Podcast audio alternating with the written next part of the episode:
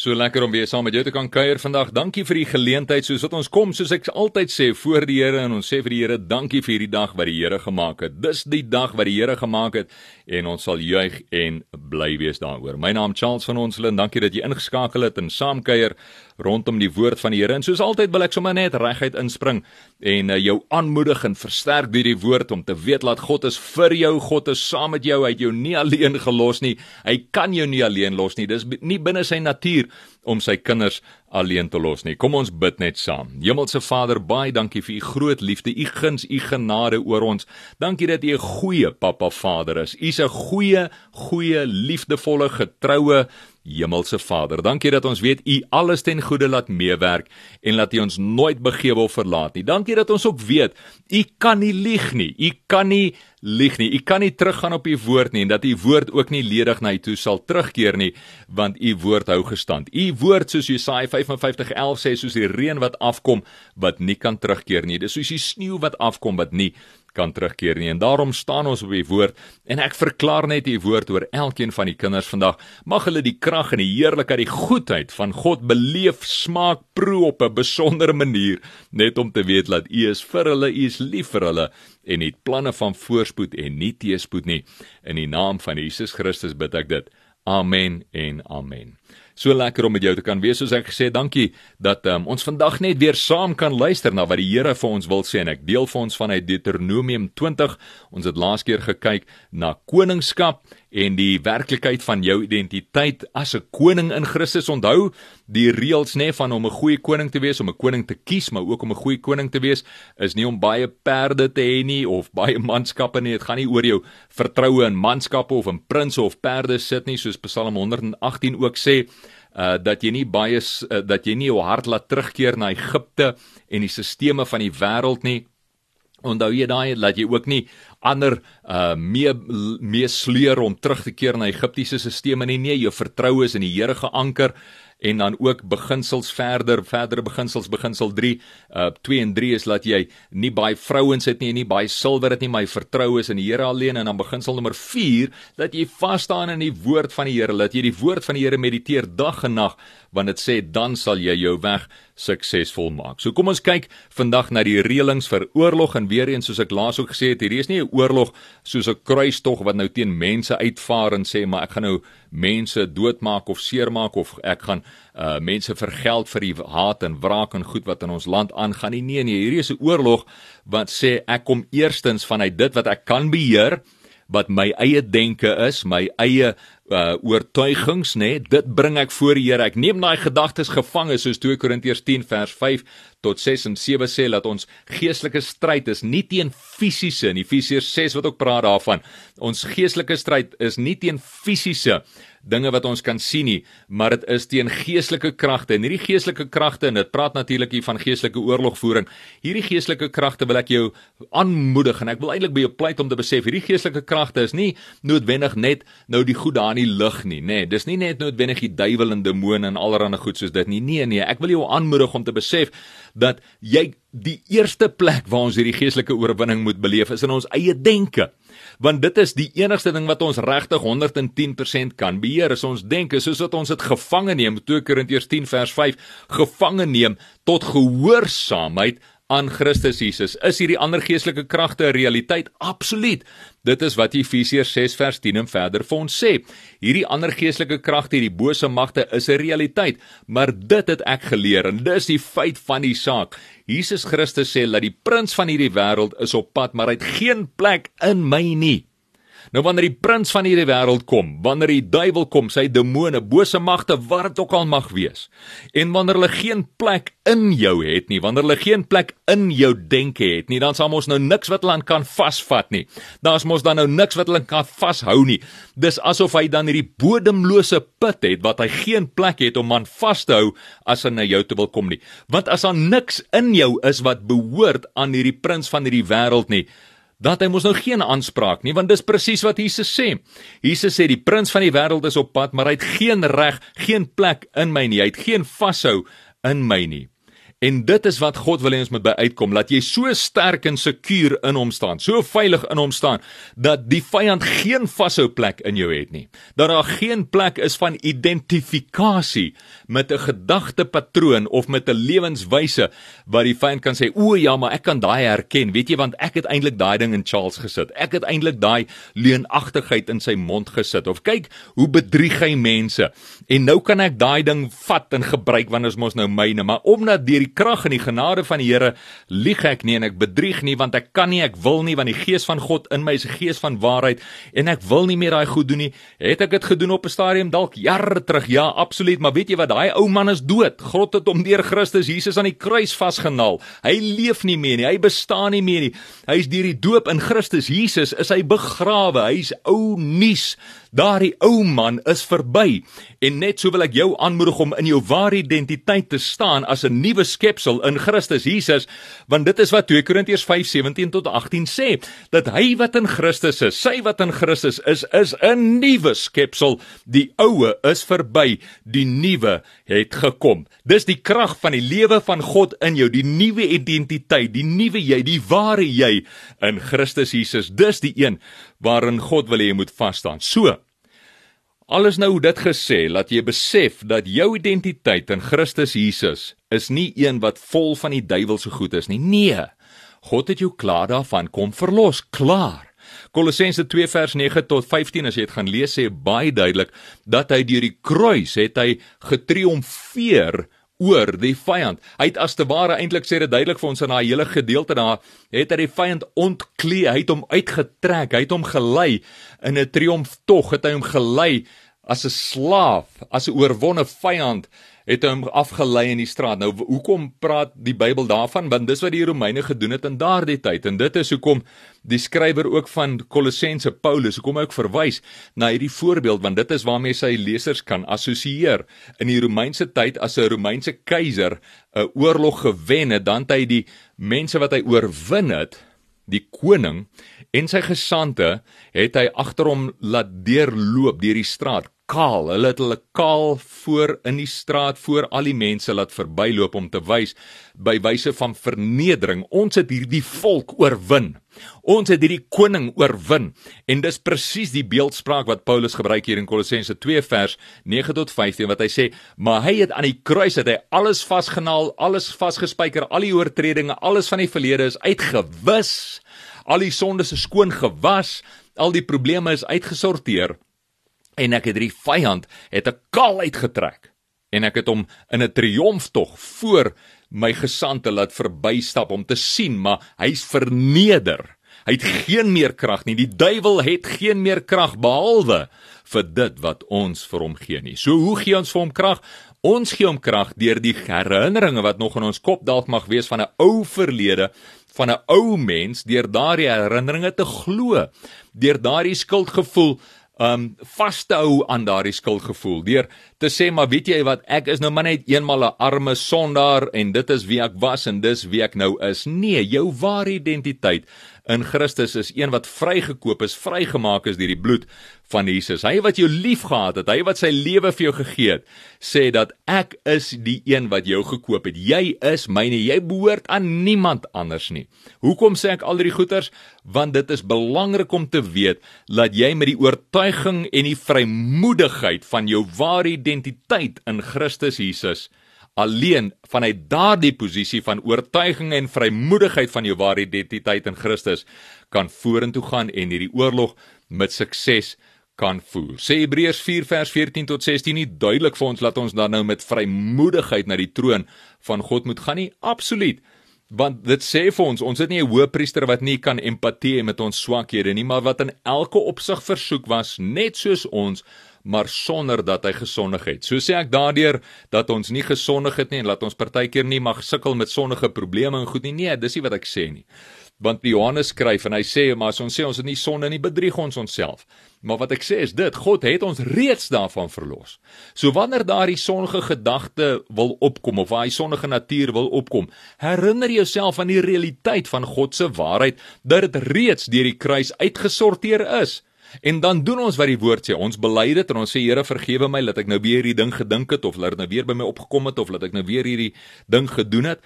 En so bid ek vir vergifnis en die woord sê ook wanneer 'n mens bid vir mekaar is daar groot krag daarin. Daar's lewe daarin, daar's vergifnis daarin. Die gebed van 'n regverdige het baie krag. Dit was skoon, dit help ons om ons denke skoon te hou. So was jouself deur die woord van God, was jouself deur die vergifnis van Christus Jesus en besef dit dat jou sonde al was dit skarlakenrooi soos Jesaja 53 sê en my sonde, al ons sondes al was dit skarlakenrooi, het die Here dit kom skoon was deur die bloed van Jesus Christus.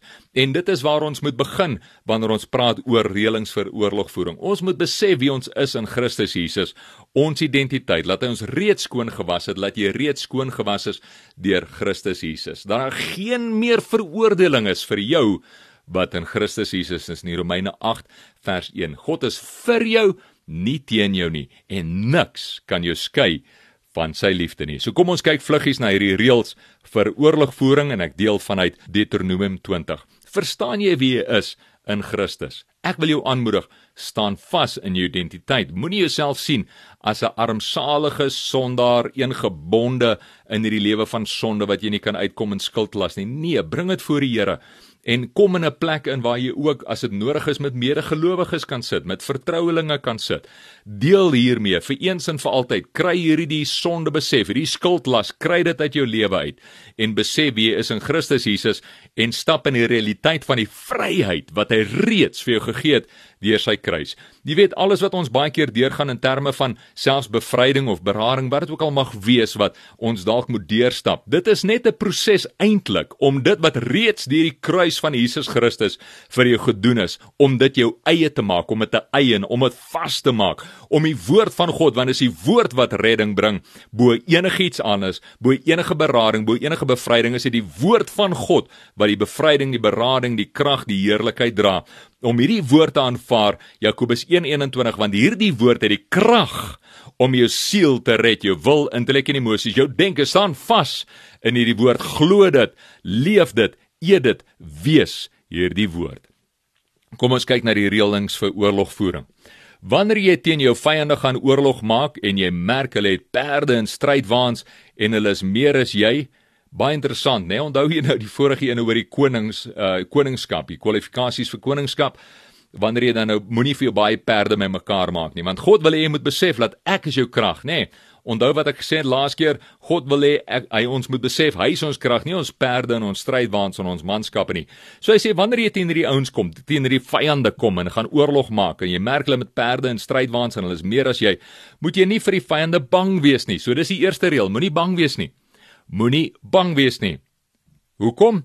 Die Here jou God wat jou uit Egipte laat trek het, is by jou. So dis die heel eerste reël. God wil hê ons moet moenie bang wees nie, nommer 1. Maar hy wil ook hê ons moet weet dat ons weet dat jy kan weet God is by jou. En dis kom ek altyd begin deur jou net aan te moedig met die wete dat God by jou is en dat hy jou nooit kan begewe of verlaat nie. Staan sterk in daardie wete om te weet dat jy weet dat jy weet jy hoef nie bang te wees nie en God is met jou. Vers 2. Wanneer jy gereed staan om te veg, moet die priester naderkom en die volk toespreek. Tweede beginsel: Maak seker daar's 'n priester wat jy kan roep om jou toe te spreek. Individueel ja, maar ook as 'n volk. Daar moet 'n priester wees. Nou wat is 'n priester? Ons het laas gesels daaroor so 'n paar uh, weke terug. Onthou 'n priester is een wat in die gaping staan, nê, nee, wat omgee, wat lief is, wat bid, wat voorbidding doen. Iemand wat omgee vir jou. Maak seker dat jy 'n priester kry, laat hy naderkom om die volk te spreek. Hy moet vir hulle sê, nou dis wat die priester gaan doen. Hy moet vir hulle sê, Jy luister Israel, julle staan nou gereed om teen julle vyande te veg. Moenie bewe nie. Moenie bang wees nie. Moenie vreesbevange word nie en moenie vir hulle skrik nie. Is dit nie treffend nie hoe baie die priester moet bemoedig? En dit is een van die grootste funksies van 'n priester is om jou te bemoedig, om jou te versterk in die woord van die Here. En dis weer eens wat die priester sê, julle staan nou reg om teen die reg om teen die vyande te veg. Nommer 1, moenie bewe nie. Nommer 2, moenie bang wees nie. Nommer 3, moenie vreesbevange word nie. Nommer 4, moenie skrik vir hulle nie. Hy sê baie duidelik. En dis wat die Here vir jou vandag wil sê en wat ek jou net wil aanmoedig deur hierdie woord. Moenie bang wees nie. Moenie bewe nie, moenie vreesbevange word nie, moenie skrik nie, want God is vir jou. En net soos Dawid teen Goliat, as God vir jou is, wie kan teen jou wees? Vers 4. Die Here julle God gaan saam met julle. Dis die ander baie belangrike komponent wat die priester hierso uh, aan die volk voorhou. Is jy weet dat God gaan saam met jou. Die Here jou God gaan saam met jou om vir julle teen julle vyande te veg, om julle die oorwinning te laat behaal. So nie net moenie bang wees nie, moenie skrik nie, maar ook God gaan saam met jou. Hoekom gaan God saam met jou? God gaan saam met jou om jou die oorwinning te laat behaal. Dit is wat die priester tot jou moet spreek. Die priester spreek tot jou om jou sterk in die Here te laat staan en in oorwinning hieroor te kan staan oor die vyand. Beginsel nommer 5. Ek praat van oorlogvoering hier. Nou hierdie is weer eens persoonlik en jou persoonlike hoedanigheid, maar dit gaan ook op die einde van die dag baie meer profeties. Gaan dit ook oor ons as 'n groter kerk en dit wat die Here wil hê ons moet instap. Vers 5: Die leiers moet vir die volk sê: "Wie het huis gebou en dit nog nie betrek nie. En luister hier, hier is baie interessant. Wie het hy gebou en dit nog nie betrek nie? Hy moet terug gaan huis toe sodat hy nie in die oorlog omkom en anders sy huis betrek nie. Hoor eerstens hierson net die hart van God die Vader. God wil nie hê dat jy in oorlog moet betrokke wees as jy nie jou eie huis uitgesorteer het nie. Maak seker dat jou eie huis eers uitgesorteer is voor hom, dat alles in orde is. Kry jou eie huis in orde. Dit praat nie net van noodwendig fisiese goed wat jy in orde moet kry nie, maar dit praat ook van jou huwelik, jou gesin, jou verhoudings. Maak seker dat jou verhoudings, familieverhoudings, jou huisverhoudings in orde is voor God voordat jy in enige oorlog ingaan. Vers 6: Wie het 'n wingerd geplant en nog nie van sy vrugte geëet nie? Hy moet teruggaan huis toe sodat hy nie in die oorlog omkom en 'n ander van sy wingerd eet nie. Luister net hoe besonder mooi kom die hart van God treffend vir ons hier oor, nê? Waar dit vir ons praat van God wil hê dat dit moet goed gaan met jou. God wil hê dat jy moet van die vrug van jou arbeid kan geniet. Het jy 'n huis wat jy nog nie klaar is nie, gaan terug na jou huis toe, maak seker hy's in orde. Het jy 'n wingerd geplant, gaan terug na jou wingerd toe, eet die vrug, geniet die vrug. God gaan nie sy volk oproep en jou as deel van sy volk om oorlog te voer as daardie goed nie in plek is nie. God wil hê ons moet ons lewens geniet. So dit gaan hier oor die vrug van ons arbeid wat die Here wil hê ons moet ook geniet. Vers 7: Wie het verloof geraak maar is nog nie getroud nie. Hy moet teruggaan huis toe sodat hy nie in die oorlog omkom en 'n ander met sy verloofde trou nie. Sien hoe hoog plaas God verhoudings verhoudings verhoudings verhoudings bo oorlog. Oorlog is baie belangrik, geestelike oorlogvoering is baie belangrik. Om in oorwinning te stap is baie baie belangrik. Maar as jou verhoudings nie reg is nie, dan gaan geen geestelike oorlogvoer voering suksesvol wees nie. Dis wat 1 Petrus 3 ook immer sê in die Nuwe Testament, wat praat daarvan dat as ons as mans nie met wysheid met ons vrouens omgaan nie, as ons nie met omsigtigheid, met liefde, met deernis in hierdie verhoudings omgaan, veral as mans wat die Here vir ons gegee het nie, dan gaan ons gebede verander word as ons dit uh, as ons dit nie reg doen nie. Ek gaan lees 1 Petrus 3 baie treffend. As jou verhoudings nie reg is nie, dan gaan jou gebede verander word. So hy sê hierso, die Here sê deur die leiers, maak seker laat jy eers trou, maak seker dat jy jou verhoudings reg kry, gaan geniet jou huis, gaan geniet jou wingerd, gaan geniet jou vrou. God wil hê ons moet die lewe geniet. Hierdie geestelike oorlogvoering wat vir baie 'n swaar, donker, moeilike ding is, is nie altyd 'n moeilike, swaar ding nie. Die beginsels daarvan in die woord is maak seker dat jou lewe in orde is, maak seker dat jou huis in orde is, maak seker dat jou verhoudings in orde is, maak seker dat jou arbeid in orde is. Dan kan jy vanuit daai posisie kan jy oorlog voer. Vers 8. Verder verder moet die leiers nog vir die volk sê: "Wees bang. Wie bewe? Hy moet teruggaan huis toe sodat hy nie sy volksgenote laat moed verloor soos hy nie. So verdere baie belangrike beginsel hier van geestelike oorlogvoering. Nadat die priester jou nou kom bemoedig het, staan vas, staan sterk in die woord van die Here. Moenie bang wees nie, maar moet ook nou nie ander bang maak nie. So die Here hierso sê met groot wysheid, hoorie as jy bang is, gaan terug. As jy bang is, gaan terug. Daar's geen uh daar's geen druk in hierdie ding nie. En dis een van die goed wat vir my baie belangrik is en ek glo vir die Here ook en dis wat ek glo hier uit die woord uitkom wat ek jou wil aanmoedig om te besef. Daar moenie druk wees in die dinge wat die lewe in jou Here in jou lewe doen nie. Ek het laas ook daarna verwys. As jy gejaagd voel deur vrees, deur uh verdrukking, deur iets wat jou vasdruk, deur 'n benoudheid, deur angs, daai is nie die Here nie. Dis nie die gees van God nie. Daar moenie druk in jou lewe wees om te sê ja, maar ek moet nou teen hierdie ding kom nie. Tensy jy moet, jy weet, partykeer moet jy en dan weet jy dat nou moet ek. Maar selfs dan dan doen jy dit vanuit 'n posisie van geen vreesagtigheid. Ehm, sal daar nooit enige vrees wees nie. Dis nie wat ek sê nie. Baie keer bewe ons broeke maar so bietjie, maar dis juist daar waar jy sterk word in die Here, né? Nee, dis juist daar waar jy leer om manhaftig te wees voor die Here, om jou krag in die Here te vind. Deur die priester ook te nader. Priester verwys in na daardie een in jou lewe na wie jy toe kan gaan wat jy kan versterk en bemoedig, maar sê maar moenie skrik nie, moenie bang wees nie, moenie bewe nie. Die Here is met jou.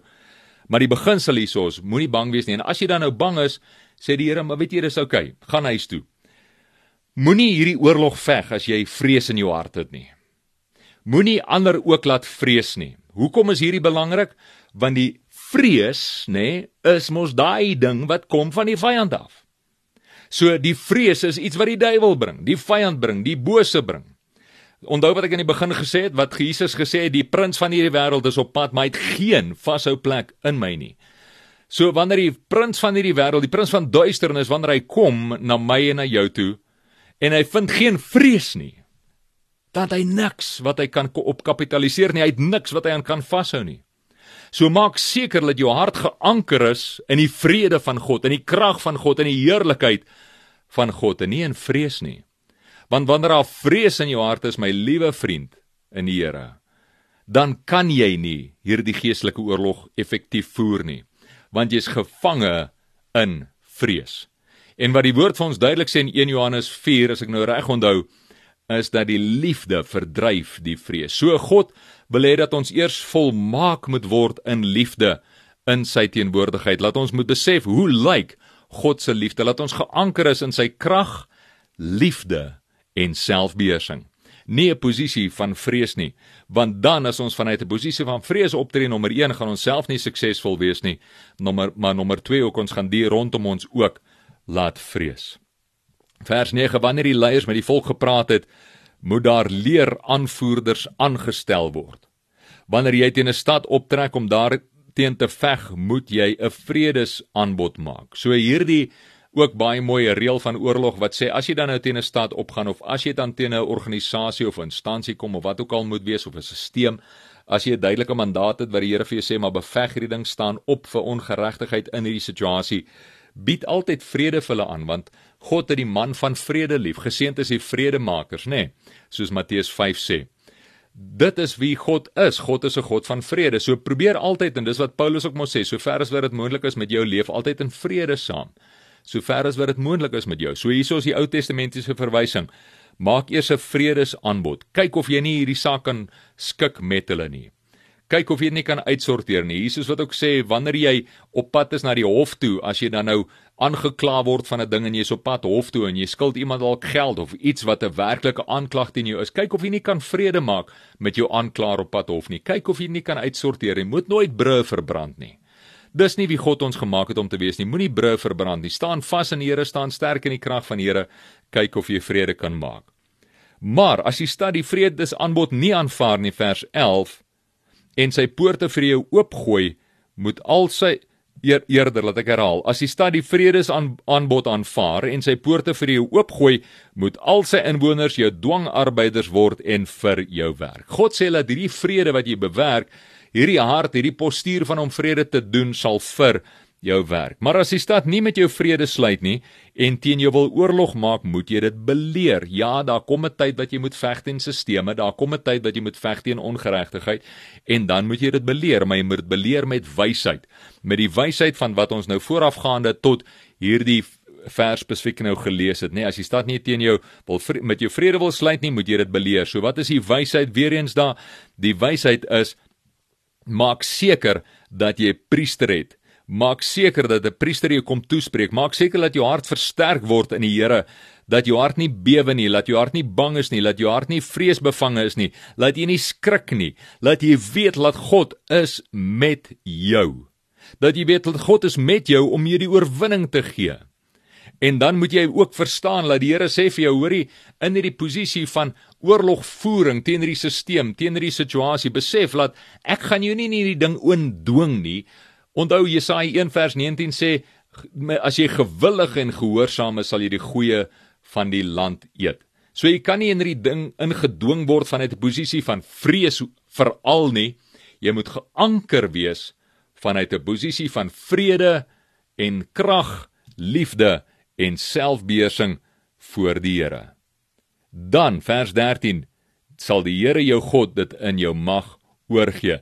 Dan moet jy al die manlike inwoners want gaan nou verder om te sê wat jy moet doen met die manlike inwoners en almal wat nou leef in die stad, sekere goed wat jy moet doen met hulle en spesifiek ook om nie die uh dit wat ou neem uit die stad uit om dit onheilig te gebruik nie. So baie groot gedeelte daarvan wat ek nou nie gaan lees nie, maar hierdie eerste 15 verse van Deuteronomium 20 waar ek glo spesifiek die Here ons wil aanmoedig om te besef dat dit is van hierdie basiese reëls in oorlogvoering wat die Here wil hê ons moet instaan, wat ons moet vas ingeanker wees en bo alles weet dat ons leef vanuit 'n posisie van krag, liefde en selfbeheersing. Dis die posisie, nie 'n vyandige gesindheid teenoor die wêreld nie.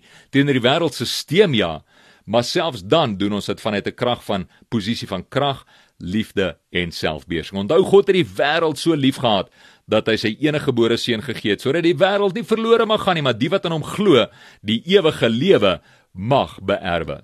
So voer hierdie oorlog as 'n koning en 'n priester voor God. Nou onthou die koning en priester stap saam, né? Koning en priester, ons is konings en priesters in Christus Jesus. Voer hierdie heilige oorlog, hierdie oorlog van liefde Deur krag, liefde en selfbeheersing voer dit vanuit 'n posisie van geanker wees in Christus van voorbidding aan ander van liefde wat jy mee uitreik na ander. Waar jy staan op jou beginsels jy staan op die woord van die Here jy word nie toegelaat of jy word nie jy laat nie toe dat jy deur die wêreldstelsels meegesleur word nie maar jy neem elke gedagte gevange en weer eens dis die oorlog wat ons voer in onsself teen die vlees die vlees wat klaar oorwonne is maar net deur die krag van die kruis daarop toe te pas elke dag jou denke te vernuwe, hierdie geestelike oorlog in jou denke te voer en om te staan in jou ware identiteit in Christus Jesus, een wat gevul is met die krag, liefde en selfbeheersing van God Almagtig. Kom ons bid saam. Hemelse Vader, baie dankie vir u woord. Dankie vir die realiteit van wie u is in ons lewens. Dankie dat u 'n waaragtige God is, die waarmaker van u woord en ek wil bid vir elke luisteraar. Ek wil bid dat hulle versterk word deur die woord van die Here, deur die teenwoordigheid van God. Mag hulle weet dat hulle weet dat hulle weet u is met hulle, u is vir hulle, u is nie teen hulle nie. Dankie dat u lief is vir elkeen by naam. Dankie dat u die hare op hulle kop getel het. Dankie dat u weet wat elke persoon deurgaan en ek wil net krag liefde en selfbeheersing oor elke persoon bid en vra dat hulle geanker sal bly in die realiteit van u liefde oor hulle in die naam van Jesus Christus. Amen en amen. Mag jy versterk staan in die woord van die Here. Mag jy weet dat die Here jou liefhet en koester as sy kosbare kind. Een vir wie hy 'n groot liefde en welbehae het en een vir wie hy alles ten goeie wil laat meewerk en sal deur Christus Jesus wat in jou woon, die hoop op glorie, heerlikheid en oorwinning. 'n Lieflike dag en week vir jou wat voorlê. Alles van die beste tot 'n volgende keer.